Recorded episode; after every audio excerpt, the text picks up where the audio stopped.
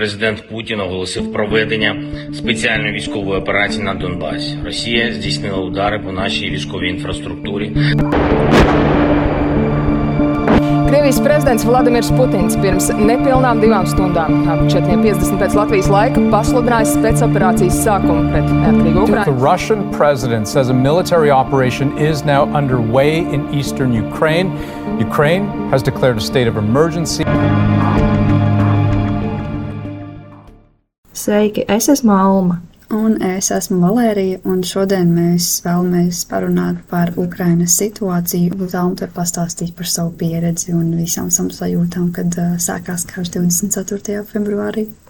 Jā, bija nakts, es vēlu mācījos, un es iegāju apollo.lv, un es uzzināju, ka ir sācies karš.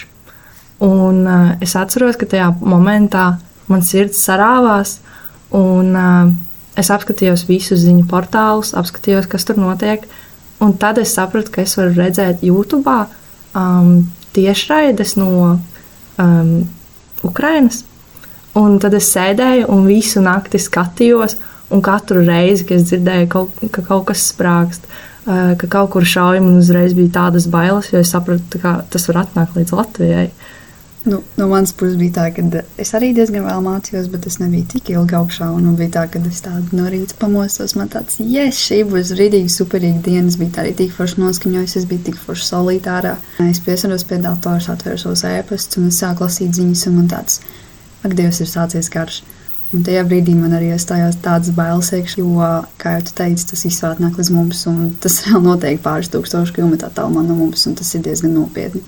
Jā, es īsti nezināju, kā man justies. Viņa atceras, mēs satikāmies skolā, un mums bija kaut kādas, nācās četras lekcijas tie dienā. Mēs abas divas vienkārši visās lekcijās konstanti sēdējām ziņu portālos un nevarējām vienkārši rast kaut kādu mieru. Pat nevarējām nosēdēt īsti lekcijās, bet bija forši, ka mums tie dienā bija psiholoģija, un eh, tad mēs varējām višķiņ parunāties par to, un arī psiholoģi pateica savu viedokli, un kā tajā brīdī justies, ka tas ir normāli tā justies.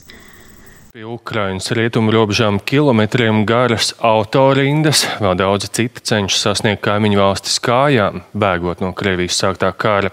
Cilvēkiem tur nāks pavadīt stundām un pat diennaktīm, var trūkt ūdens un pārtika. Plaša atsaucība ir guvusi vēlmē nepalikt vienaldzīgam un palīdzēt Ukrainas bēgļiem. No Latvijas ceļā devušies ap 20 šoferiem, kuri Polijas robežu kontrols punktos sagaidīs un atvedīs uz Latviju kara šausmas piedzīvojušos. Mēs esam uh, uzrunājuši vienu vīrieti, kurš ir bijis Ukrajinā. kurš vēlas palikt anonīms, taču šī stāsta laikā nosauksim viņu par Walteru. Un, uh, viņš brauca ar uh, mērķi palīdzēt cilvēkiem, sev pazīstamai ģimenei. Un, uh, viņš bija atvērts, lai pastāstītu savu pieredzi. Komentēt situāciju mēs uzaicinājām RSU komunikācijas fakultātes akadēmiskās bakalaura programmas psiholoģijas vadītāju pienākumu izpildītāju, krīzes konsultantu un certificētu mediātoru Ievu Paksi. Nu, mēs esam jau 30 gadus kā neatkarīgas valstis, un tas, kas šobrīd sasaucās latviešiem ar ukrāņiem, ir tas, ka šī brīvība var pazust. Ja? Un Latvijas iedzīvotāji redz, ka nu, tā valsts, kura bijusi agresora valsts iepriekš, kas nu, nosacīti mums ir darījusi pāri, uh, kas nav respektējusi mūsu vajadzības, kas nav ar mums rēķinājusies, ka dara to pašu. Un mums ir uh, bailes, ka tas var atnākt pie mums. Un mums ir svarīgi, lai tas, protams, tā nenotiek. Mums ir svarīgi palīdzēt tiem, kuriem šīs bailes ir pārvērtušās no reālā apdraudējuma, kur reāli tas notiek. Mēs aicinām Walteru pastāstīt, kādos nolūkos viņš devās uz Ukrajinu. Man mudināja vairāk vai mazāk mani draugi, um, kuri arī gribēja doties. Beigās sanāca, ka uh, mēs no 15 draugu pulka aizbraucām divi. Plus vēl tas, ka man draugi ir, man ir Miša, mm, kas Kīvā dzīvo, viņam, draud, viņam ir sieva, kas ir stāvoklī, un es nevarēju palikt malā.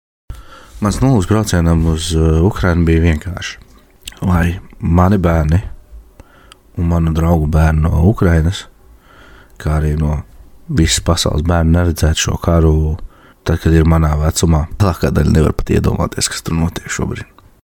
Un veids, kā patiesībā Walters vēlējās šo mērķi sasniegt, bija caur video. Viņš devās uz Ukrajinu, lai atbalstītu savus pazīstamos cilvēkus, savus draugus, kā arī uzfilmēt video materiālu, ko vēlāk publicēt un nodot šīs sāpes lielākai publikai, lai cilvēki saprotu to, kam ir cauri cilvēki tur, Ukrajinā. Bailes parādījās tajā brīdī, kad uh, tu atradies jau pie robežas, un tu sāc saprast to, ka karš notiek nopietnāk un nopietnāk. Un ar nožēlu, kad uh, tu arī vari aiziet uh, taisaulē, un tu sāc domāt. Tev bija brīži, kad pilnīgi gribās atgriezties, tu negribi braukt tālāk. Cilvēkiem ir karš, bet viņi ar smaidu, ar tūlīt tas izbeigsies, tūlīt viss būs labi. Tas bija diezgan iespaidīgi priekš manis, jo es nezinu, vai Latvijā es to esmu redzējis.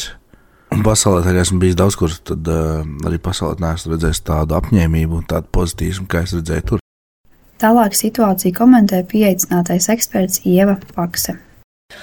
Tas, ka Ukrāņi ir nerimstoši pozitīvi, jā, bet šādā situācijā nav variantu. Tikko viņi kaut nedaudz pieļaus ideju par to, ka viņi nevarētu uzvarēt, tā viņš būs zaudēts. Ir arī lietas, kuras, um, teiksim tā, nu, mm, man pat sāpīgi runāt par to, ir, ko es redzēju.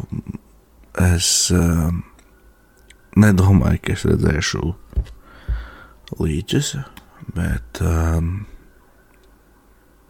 ar nožēlu redzēju. Un tas, tas neieskaidrojami, tas ir vienkārši. Es to nevaru paskaidrot godīgi. Par savu brīvprātīgā pieredzi Ukrajinā stāsta anonīmais vīrietis Walters. Jā, tad tā kā mūsu stāsta galvenais uh, varonis Valteris stāsta to, ka viņš pat negaidīja, ka viņš redzēs uh, līķus un daudz līķus. Es patiesībā arī tieši tāpat noteikti kā vispārējā sabiedrība arī negaidīja to, kad mēdījos būs redzams tik daudz bildes ar līķiem. Un tad, kad tika atbrīvota buča un internetā ziņu portālos un dažādos sociālos tīklos tika ievietotas bildes ar um, līķiem bučā, tad uh, tajā brīdī arī man bija ļoti pretīgas sajūtas iekšā, redzot to, cik ļoti nežēlīgi tika noslapkavoti civiliedzīvotāji, kas pat nebija karavīri. Man vispilgtāk ir palicis tas tā bilde, kur bija tas um, vīrietis, kurš bija sasiets, sadauzīts un viņš bija iemests tajā akā. Tā ir bilde, kas man ir visvairāk palikusi atmiņā, un arī bija ļoti daudz bildes ar izrotām sievietēm, kuras vienkārši mētājās ceļa malā.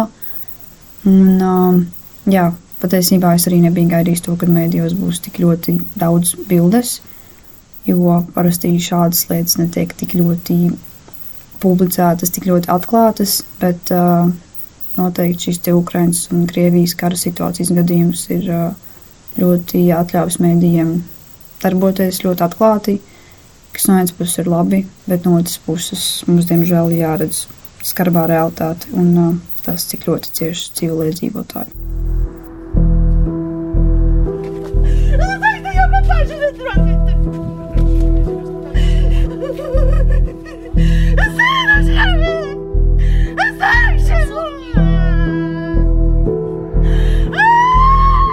Interesants fakts, ko es uzzināju, kad kā sākās karš, tā tika pārstāsts arī tirgot alkoholu. Ļoti daudz preces tika pārstāsts tirgot. Pastāv tāds uzskats, ka, ka jā, ja ir grūtāk, jo vairāk vajadzētu iedzert alkoholu, paliks vieglāk. Ja mēs skatāmies no psiholoģiskā viedokļa, tad tā ir pilnīgi šķērsa doma.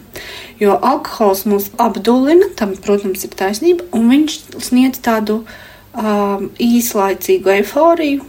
Bet, ja mēs viņu kaut nedaudz par daudz lietojam, tad alkohols ir viens no depresantiem. Līdz ar to, ja mūsu uzdevums ir aizstāvēties un izcīnīt savu brīvību, tad uh, alkohola lietošana varētu mums likt domāt, ka tas nav iespējams, respektīvi pazemināt mūsu cīņas garu. Ir drausmīgi. Ir drausmīgi. Dēļ tā visu, ko tu redzi, tu sāc uh, pilnīgi izmainīties kā cilvēks. Pilnīgi prātā jukt. Um, manā gadījumā vismaz, kad brīži ir tādi, ka tev vienkārši galvā nāk tās domas, ko tu esi redzējis, un gulēšana pēc tam ir tāda pasliktāka. Ja tik tiešām notiek aktīva karadarbība, vai ir tiešām liels šis apdraudējums, tad, protams, kā uh, psiholoģiskas traumas un psiholoģiskas pārdzīvojumus piedzīvo visi.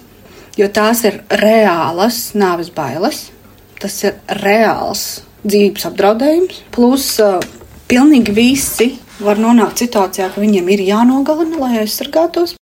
Daļai būs noteikti nepieciešama terapeitiska, psihoterapeitiska rehabilitācija. Dažiem varbūt pietiks ar psiholoģisko palīdzību. Tas var atstāt uh, iespaidu uh, gan uz tagad, tagadējo funkcionēšanu, gan uz funkcionēšanu visas dzīves garumā, atkarībā no piedzīvotā.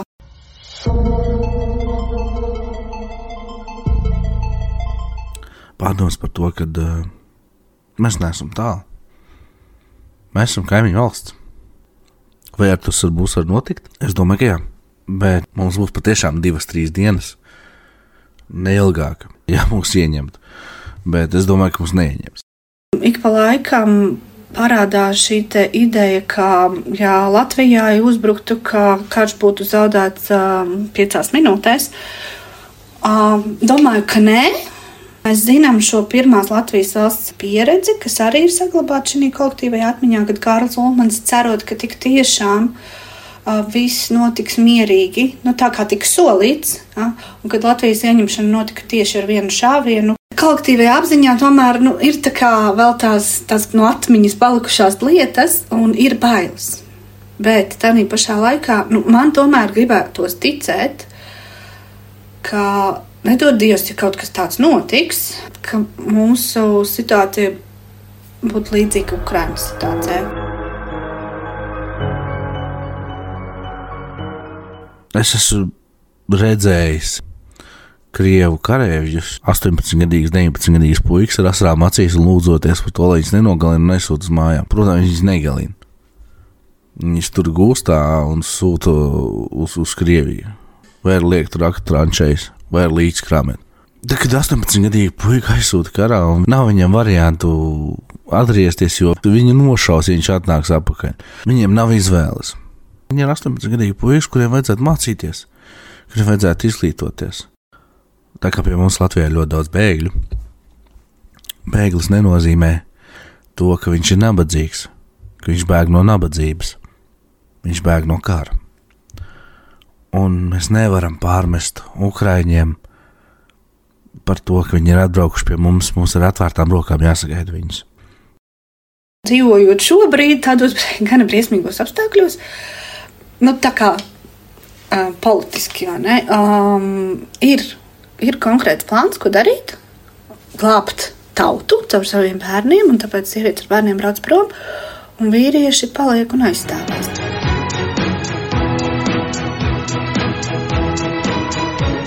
Ko es ieguvu? Es, es sāku saprast to, ka uh, Ukraiņā tie cilvēki, viņiem tik tīras vesels un tik forši cilvēki, ka mums ir jāmācās no viņiem. Viņu stingrums un spēks. Mums tas ir jāmācās. Mums ir jāciena, ka viņi ir atbraukuši pie mums un mēģina saglabāt sevi. Un mums ir jāpalīdz. Tie tomēr ir mūsu praktiski kaimiņi. Mums viņiem ir jāpalīdz. Latvijā Ukrainai ziedojas 42% iedzīvotāju, un starp šiem 42% 29% ir ziedojuši naudu, un vēl 13% Ukrāņus atbalstījuši ar pārtikas un cita veida preču iegādi. Latvija līdz šim Ukrainai lietošanā ir nodevusi letālus un neletālus aizsardzības līdzekļus, vairāk nekā 200 miljonu eiro vērtībā. Mēs katrs varam palīdzēt Ukraiņas iedzīvotājiem, piemēram, ziedojot humānās preces, uzņemot viņus savās ģimenēs, piedāvājot darba iespējas vai vienkārši ziedojot. Vairāk informāciju par iespēju palīdzēt Ukrainai var meklēt palīdzību ukrainai.lv vai ukrainlatvija.com. Mēs aicinām ik katram ikdienas steigā neaizmirst to, kas notiek Ukrainā, un iesakām jebkādā veidā palīdzēt Ukraiņas iedzīvotājiem.